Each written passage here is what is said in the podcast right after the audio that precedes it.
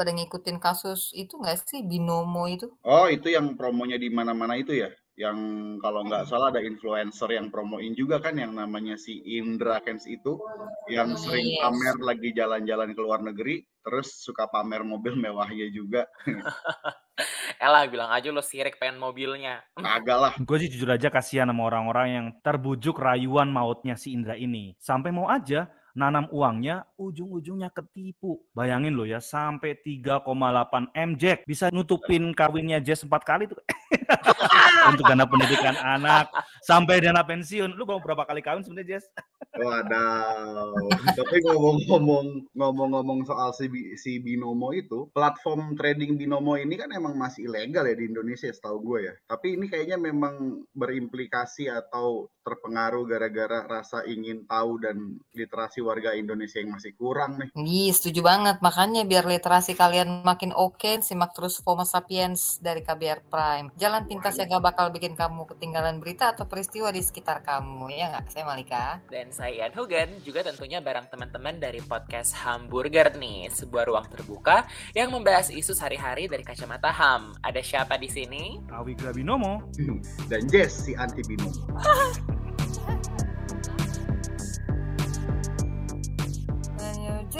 is long and the night, the night is yours alone. And you're sure you've had enough of this life, well hang on.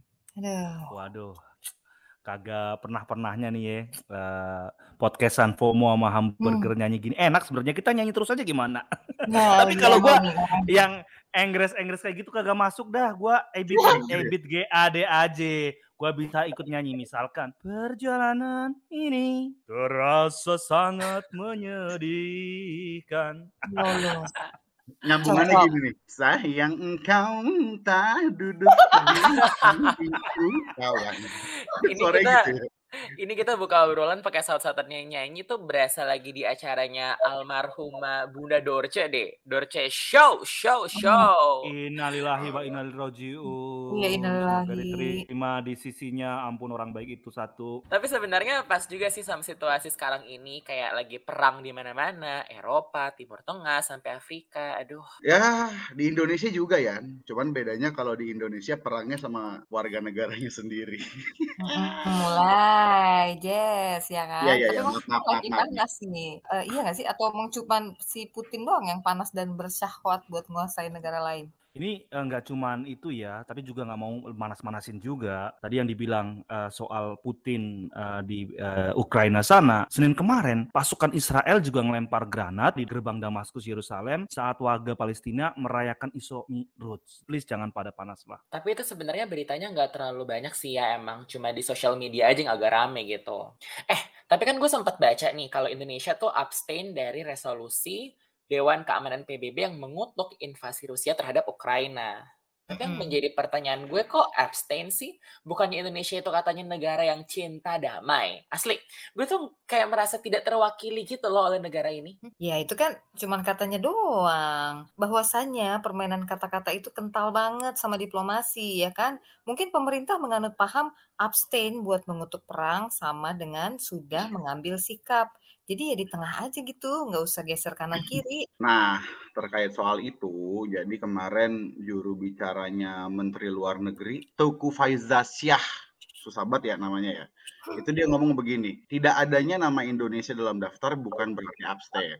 Kata dia, Indonesia sekarang enggak lagi menjadi anggota tidak tetapnya Dewan Keamanan PBB. Sehingga Indonesia enggak punya hak suara saat pemungutan draft resolusi di Dewan Keamanan PBB. Tapi nih, berdasarkan unggahan media sosialnya perwakilan Norwegia di PBB Sabtu kemarin, tanggal 26 Februari, tercatat ada 80 negara anggota PBB yang menjadi kosponsor dari resolusi tersebut, termasuk Australia, Amrik, Prancis, Kuwait, Turki, hingga Suriname. Sementara negara-negara di Asia Tenggara yang ikut jadi co-sponsor itu cuman Singapura dan Timor Leste. Hmm, ada Timor Leste ya yang pernah diukrainakan Indonesia ya. Nah, dari situ sih gue ngeliat tandanya kalau untuk menjadi co-sponsor nggak perlu tuh untuk menjadi negara anggota tidak tetapnya Dewan Keamanan PBB lah. Anggota tidak tetap Dewan Keamanan PBB kan cuma 15 ya. Sementara itu yang jadi co-sponsor udah 80. Tapi sebenarnya Indonesia bisa nggak sih ngambil peran lainnya? Misal jadi penengah gitu ya kan? Uh, kan ada tuh suara-suara yang nyebut kayak gitu. Uh, Indonesia kudunya lebih aktif. Tapi ya di sini lain ya. Gimana perkara JHT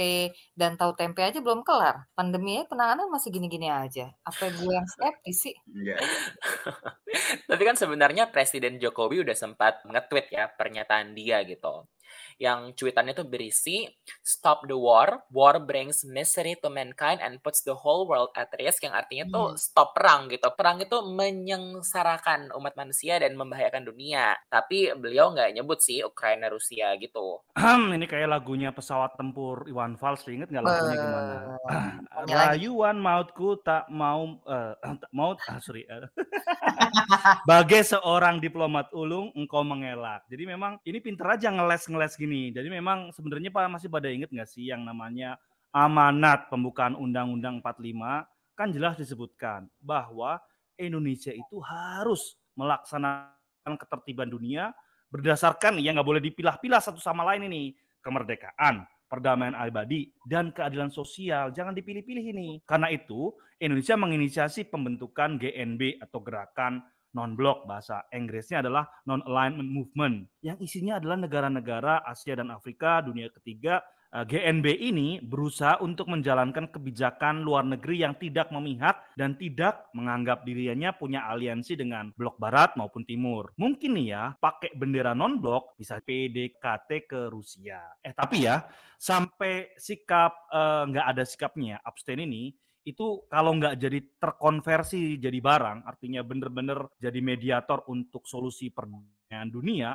rasanya posisi netral ini semacam mengkhianati ya amanat konstitusi yang tadi gue sebutin nggak boleh dipisah-pisah. Artinya apa? Kan tadi udah jelas bahwa berdasarkan kemerdekaan, perdamaian abadi, dan keadilan sosial. Coba kalau dalam situasi perang, tentu harus ada soal-soal keadilan. Di mana dampak perang itu tentu punya uh, situasi yang nggak adil kepada para korban perang, pengungsi misalkan. Nggak boleh kita kemudian hanya aktif dalam perdamaian dunia dengan abstain kemudian bisa ngelobi, tapi keadilannya dihilangin. Nah, di titik ini kalau kita nggak membela keadilan, kita kemudian jadi mempertanyakan kenapa sikapnya seolah-olah jadi semacam tengah-tengah gitu. Nah, kalau kita balik ke sejarah, kita bangsa yang merdeka gara-gara terbebas dari penjajahan, terbebas dari invasi, kenapa nggak ngedukung resolusi yang menentang agresi. Come on. Benar juga tuh. Iya, tapi ntar deh. Ini kenapa gua kok jadi keinget itu ya? Uh, mantan jenderal dan kudanya ya nggak sih? Ada masih inget nggak sih? Hmm. Perang ini yeah, kayak yeah, jadi yeah. mainan Putin aja nggak sih? Agresif banget, pengen menguasai dan sikap yang agresif bagi sebagian orang kan kadang dianggap wajar ya. Kalau itu emang punya laki-laki, itu bentuk ketegasan katanya gitu. Uh, gue exclude dua orang di sini deh. Kalau itu sih namanya toxic masculinity ya, Bon. Well, tapi kalau mau lihat sejarah, pemimpin negara-negara di dunia kan sebagian besar emang laki-laki ya. Jadi kayak gimana sekarang dunia ini? Kayak gini.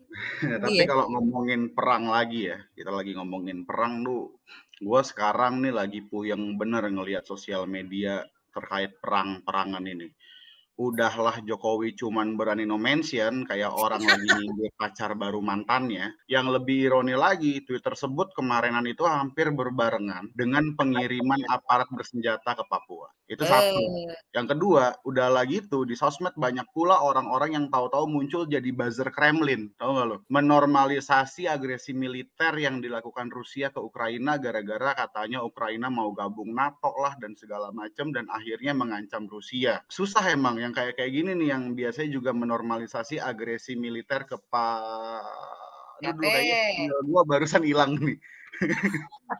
nah, tapi balik lagi ke soal Rusia dan Ukraina nih ya. Dampak perang kan sebenarnya udah kelihatan. Isu pengungsi juga udah muncul kan. Sampai tuh gue lihat udah ada diskriminasi loh. Kan ada tuh video yang nunjukin kalau pengungsi dari Ukraina yang kebetulan dari Afrika gak dibantu sama petugas di perbatasan. Eh tapi Uni Eropa emang udah menyatakan bakal ngebuka diri nggak sih buat pengungsi dari Ukraina? Ya walaupun agak bias sih, susah banget kan mereka nerima pengungsi dari Syria atau Afghanistan. Tapi sebenarnya gimana sih kudunya? Ya, kita ingat ya gimana waktu uh, uh, Syria uh, gejolak, Afghanistan gejolak ya. Belum lama banyak yang nutup perbatasan kan.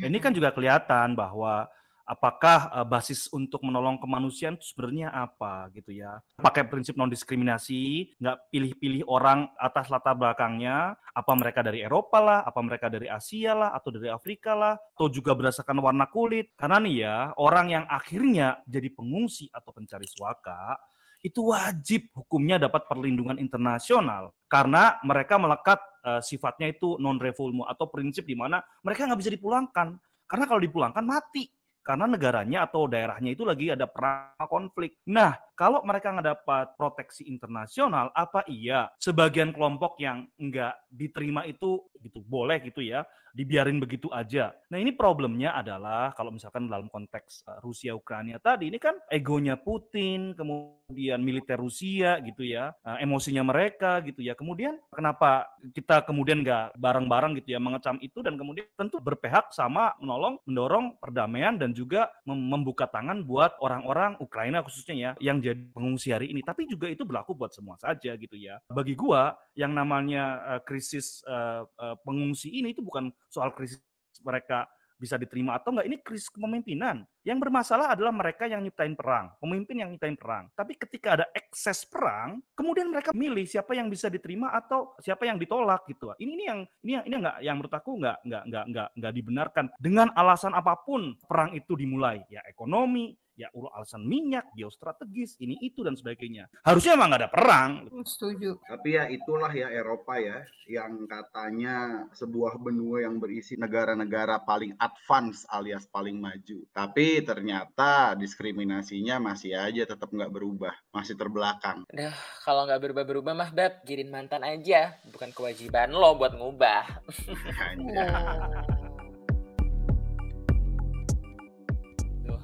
naik turun gak sih emosi kalian gara-gara baca berita soal perang ini? Ya marah, ya sedih, duh campur aduk banget gitu ya emosi diubek-ubek. Iya juga sih, maksudnya juga banyak hal-hal lain yang ikutan jadi naik, misalkan ya harga-harga barang, kebutuhan nah. pokok, DLL, DSB lah pokoknya. Nah itu dia. Jadi emang perang ini dampaknya langsung ya ke meja makan orang-orang, eh khususnya di Afrika dan Timur Tengah. Lah, lah kok kok bisa sih? Ya kan selama berabad-abad Ukraina tuh dikenal sebagai lumbung roti Eropa ya nggak sih? Ukraina itu pemasok utama biji-bijian ke negara-negara dari Afrika Utara, Timur Tengah, Asia Tenggara. Ini termasuk gandum yang jadi sumber makanan pokok, bahan utama roti itu kan. Secara keseluruhan tuh ya, kalau lihat catatannya, ada 14 negara loh yang bergantung sama Ukraina, seenggaknya 10% dari gandum Ukraina deh.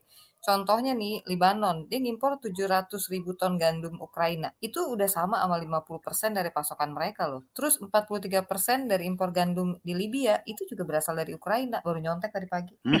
ya, gue juga lagi lihat uh, kepekan nih ya. Ada lagi bahan pangan lainnya yang diperkirakan bakal terpengaruh selama perang mm -hmm. ini di Ukraina hasil pertanian Ukraina yang lain adalah yang juga rentan terhadap kenaikan harga. Ini laporannya dari Reuters nih. Ukraina pemasok minyak bunga matahari terkemuka di dunia dan jagung Ukraina menyumbang 16% dari suplai ekspor global. Bayangin nggak kalau kuaci hilang? Oh nggak asik banget nongkrong tanpa kuaci. Sementara nih ya, 90% impor jagung Cina juga dari Rusia. Momen tuh sebenarnya sebuah kesempatan buat ngerayu Cina, buat membujuk Rusia melakukan gencatan senjata. iya, tapi tadi nggak cuman soal kuaci, nggak cuman soal gandum. Apa kabar harga minyak, coy? Langsung ikutan naik juga kan dia sekarang.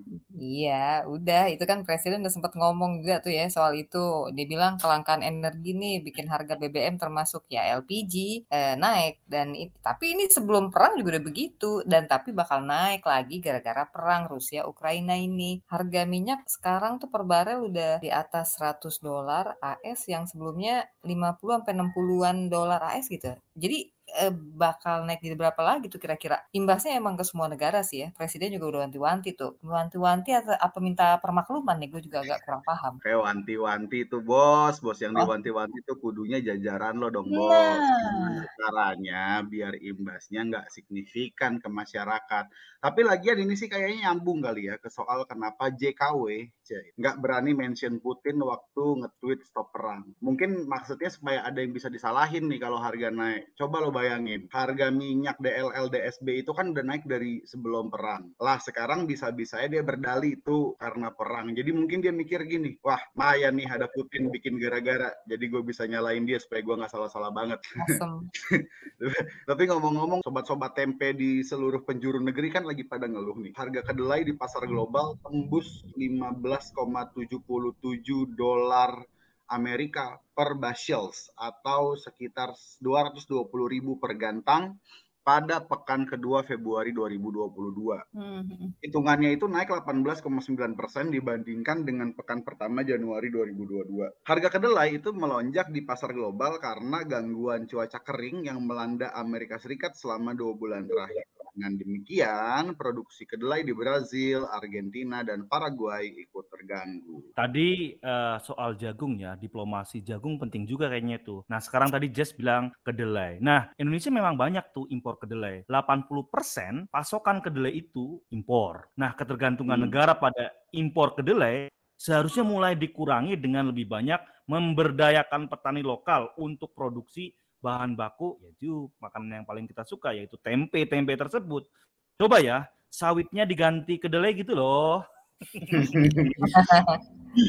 Tapi sebenarnya susah sih Bun menurut gue kalau itu meskipun sawit Indonesia luasnya emang segambreng, minyak goreng juga mahal kan. Ini perang juga, duh pas banget deh momennya sama jelang momen Ramadan gitu. Kan biasanya harga-harga pada naik juga kan ya. Gimana nih Malika pantauannya sebagai penguasa pasar kayu manis? Gila, berdasarkan pantauan di pasar di sejauh ini ya Bapak Ibu, emang kata emak gue juga harga daging sapi udah pada naik kan ya dari kisaran 125.000 ke 130.000 rupiah ya. Eh, terus tapi emang persis seperti lo bilang perkiraannya bakal lebih naik lagi jelang Lebaran. Jadi ada beberapa faktor lah yang harus jadi permakluman kita ke depan kalau belanja ya. Kalau nggak bawa, bawa duit banyak banget nggak usah nggak usah belanja apa gimana? Kalau kata Ketua Jaringan Pemotongan dan Pedagang Daging Sapi Indonesia, eh daging Indonesia, Japdi, kenaikan itu emang karena pasokan impor dari Australia berkurang sih. Hmm, kalau nyalain gampang ya, tapi sebenarnya Bulog kerjanya ngapain sih? Itu kan sebenarnya untuk urusan logistik harus ada reserve-nya ya, supaya kita punya resilient gitu ya. Tapi gini ya, pemerintah emang kesannya gagap mulu ya untuk antisipasi kenaikan harga yang bisa diprediksi. Ini konflik Rusia Ukraina sebenarnya juga bisa diprediksi juga udah ada polanya. Apalagi tentu siklus tahunan Ramadan pada pastilah itu nah, pada naik semuanya. Iya, tandanya duit belanja harusnya diantisipasi juga ya Pak ya. Kalau itu tentu Jess. Gimana lagi? Gue sepakat apa yang dibilang oleh Direktur Centers of Economic and Law Studies Silos uh, Bima Yudhistira. Ada dua cara yang bisa ditempuh pemerintah. Satu jangka pendek, tentu jangka panjang. Jangka pendeknya perlu dilakukan saat ini adalah memastikan dulu semua stok, terutama berbicara dengan para importir untuk mengamankan pasokan atau stok bahan baku pangan sampai dengan lebaran selesai. Yang kedua, yang paling penting adalah untuk solusi jangka panjang. Termasuk di sini mendorong peran Bulog untuk meningkatkan porsi dari substitusi impor di dalam negeri gitu loh. Duh, tapi ya udah aja sih nggak usah makan daging. Coba deh semuanya mulai jadi vegan gitu, vegetarian. Aduh. Lagian Wow. makan daging apalagi impor kan aduh nggak green banget gitu, nggak ramah lingkungan. Masaknya juga udah rebusan aja semua, nggak pakai minyak goreng kan. Aduh. Ini Wow. anak anak muda loh lagi nasihatin bapak-bapak ibu-ibu di sini. Nah, ya udah sekalian aja tuh bakarnya gak usah pakai LPG, pakai kayu bakar aja, smoky smoky gimana gitu kan masakannya. Iya, ini tahun 2022 atau zamannya Flintstone nih. Kalau kata Sudewo Cedio itu zamannya Mas, zaman Edian. Seneng perang. Kayaknya episode kali ini capek juga ya ngomongin soal perang mulu. Indonesia yang diam aja dan kenaikan harga yang gak ada habisnya gitu. Bawaannya gue tuh pengen banget liburan, tapi ini bener-bener liburan ya, bukan staycation ala-ala healing doang gitu. Iya bener banget sih. Kayaknya udah sewindu nggak ke tempat wisata. Ya gak sih? Berasa lagu tulus gak? Bedanya kalau tulus tiap pagi nunggu depan pintu gebetannya ya. Gue nunggu corona selesai nih. Soalnya foto di album udah nipis. Ya kan? Kalau bisa jalan-jalan kan bisa pansos di sosial media ya nggak? Ya, iya iya iya iya juga sih. Tapi mungkin emang dasarnya netizen Indonesia ya nggak bisa diem ya. Bawaannya pengen jalan mulu meskipun pandemi. Iya, kayak contohnya kemarin loh kejadian macet daerah puncak tuh kemarin tanggal 28. Itu tuh kenapa gue bilang orang-orang masih ngidam jalan-jalan aja meskipun pandemi. Soalnya data Google Trends periode September 2020 sampai Agustus 2021 menunjukkan presentase penelusuran orang Indonesia di sektor pariwisata itu cukup tinggi, bahkan hampir mencapai level sebelum pandemi. Kebayangkan kenapa pandemi COVID-19 ini nggak kelar-kelar? Iya, inget banget tuh gue waktu masih awal-awal pandemi banyak yang parno ya kan. Ya, tapi terus hmm. new normal udah pada adaptasi semua tuh dan nemu inovasi traveling secara online pula ya. Iya, ya. nah itu kan namanya juga manusia. Kalau ada di situasi yang penuh ketidakpastian, oh. jadi cepat adaptasinya dan membuat keputusan termasuk berlibur dong. Kayak yang tadi Ian bilang kan, trend staycation itu meningkat banget sampai 85%. Menurut gue sih bagus-bagus juga sih untuk sektor pariwisata yang yang ke keimbas banget lah ya dari pandemi ini dan sebenarnya cukup aman juga karena biasanya hanya nginep di hotel yang deket-deket sebenarnya dari jangkauan rumahnya. Jadi yang masih pada parno ya juga ada hiburan dikit-dikit lah bisa dikit-dikit happy juga gitu. Apalagi tuh buat mereka yang pengen cari aman banget gitu, bisa pada ikut tour virtual kan. Kan nggak perlu tuh ke mana-mana, cuman duduk di depan laptop aja bisa jalan-jalan keluar kota, bahkan keluar negeri. Karena itu juga kali ya, tour virtual lebih banyak dinikmati dan diminati daripada staycation. Murce alias murah, meriah, ceria. Yo.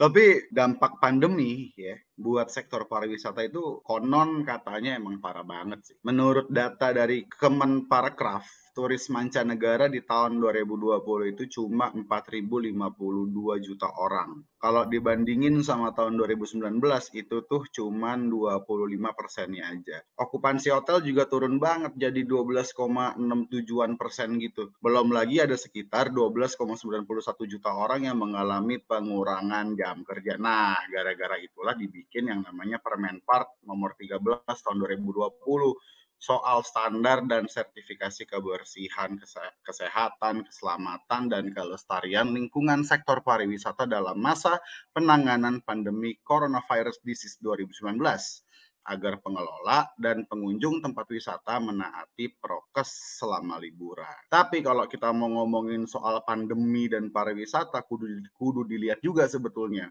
Hari ini dampak pandemi yang sedemikian buruk ke pariwisata, jangan-jangan justru karena dulu pas awal-awal pandemi, alih-alih mengalokasikan duit buat melawan COVID, eh pemerintah malah promosiin pariwisata, inget gak? Hmm, nah, inget banget. Akhirnya kemarin pas negara-negara lain udah pada mulai longgar COVID-nya, kita masih aja tuh sabenari dengar berita positif lah, orang meninggal lah, inilah itulah. Ingat gak dulu kata Luhut di Indonesia Corona itu adanya mobil. Terus katanya Maruf Amin Corona bisa dilawan pakai doa kunut. Terus katanya Menteri siapa gitu, gue lupa Corona gak bisa masuk ke Indonesia gara-gara birokrasinya ribet. Hah, makan.